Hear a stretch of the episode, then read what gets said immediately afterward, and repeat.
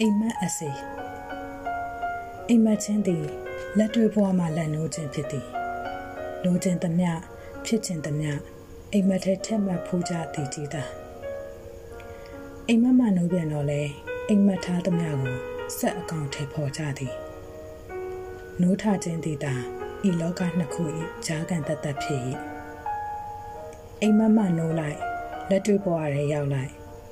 လက်တွေ့ဘဝမှနိုးလိုက် အိမ်မက်ထဲရောက်လိုက်ထုံးစံဖြစ်လာသည်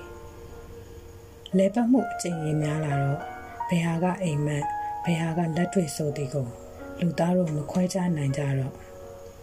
ဤသို့နဲ့အိမ်မက်ထဲပင်မမတ်တင်သည့်ကိစ္စများကိုလက်တွေ့လှုပ်လာကြပြီးလက်တွေ့ဖြည့်ရှင်းရမည့်ကိစ္စများကိုလည်းအိမ်မက်ထဲထက်မမတ်ချင်ကြသည့်အထိ21ရာစုလူသားများတာဝန်မဲ့ကြလေတော့သည် အိမ်မက်ထဲတွင်လက်တွေ့ဘဝအကြောင်းသင်စဉ်းစားဖို့ပါသလားစစ်တမ်းများအရာမစင်သားဘူးပါဟုသောအဖြစ်ရာဂိုင်နှုန်းများသည်ဟု၏ထို့အတူပင်လက်တွေ့ဘဝမှာမိမိနှင့်ပတ်သက်သောလူများပစ္စည်းကိရိယာများကိုများသောအားဖြင့်မြင်မှတ်တကြပါသည်ဤစစ်တမ်းများသည်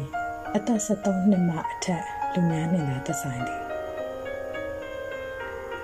အိမ်မထဲတွင် အချိန်သည်အတိုင်းအဆမရှိကြာနိုင်သည်အိမ်မထဲတွင်ကိစ္စအားလုံးအဆက်ဆက်ရှိသည်ဟုမဆိုနိုင်သလိုအပြင်လက်တွေ့ဘဝသည်လည်းစီးစနစ်တကျဖြစ်ပျက်နေသည်တော့မဟုတ်ပါနောက်ထပ်စစ်တမ်းများအရာ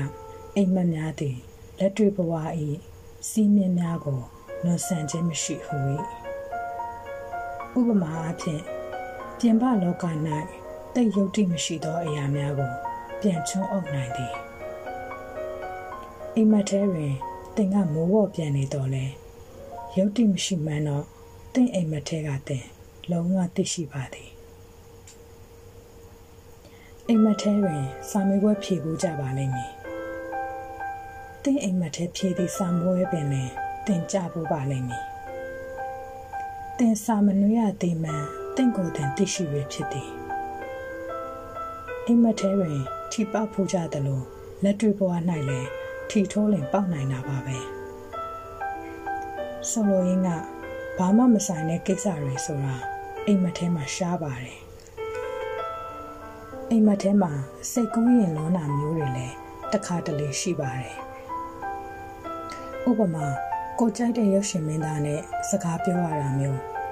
ဒါတွေကလက်တွေ့ဘဝမှာလည်းစိတ်ကူးရင်မိကြတာမျိုးပါပဲ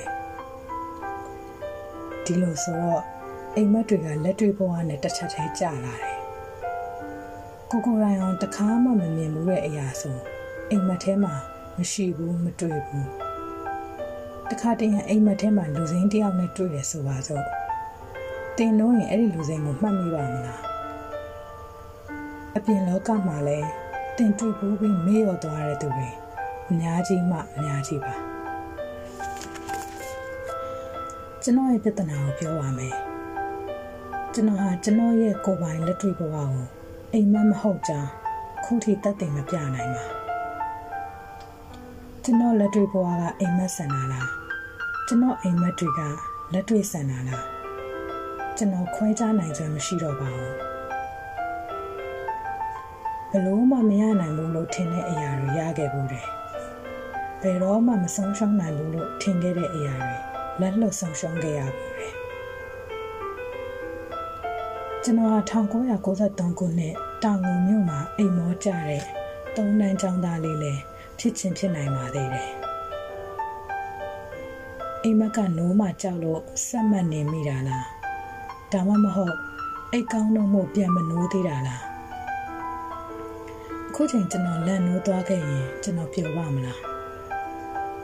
ဘာမဟုတ်တဲ့အိမ်မက်တစ်ခုဆိုရင်တော့ငယ်ရွယ်ပြုံမြင့်မှုနဲ့လဲဖို့ကျွန်တော်ညင်းဆုံမိမှထင်တယ်။ကောင်းကောင်းဆိုးဆိုးဒင်းကိုထမ်းခဲ့ရတဲ့အချိန်ကိုနှမျောလို့ကြာပါ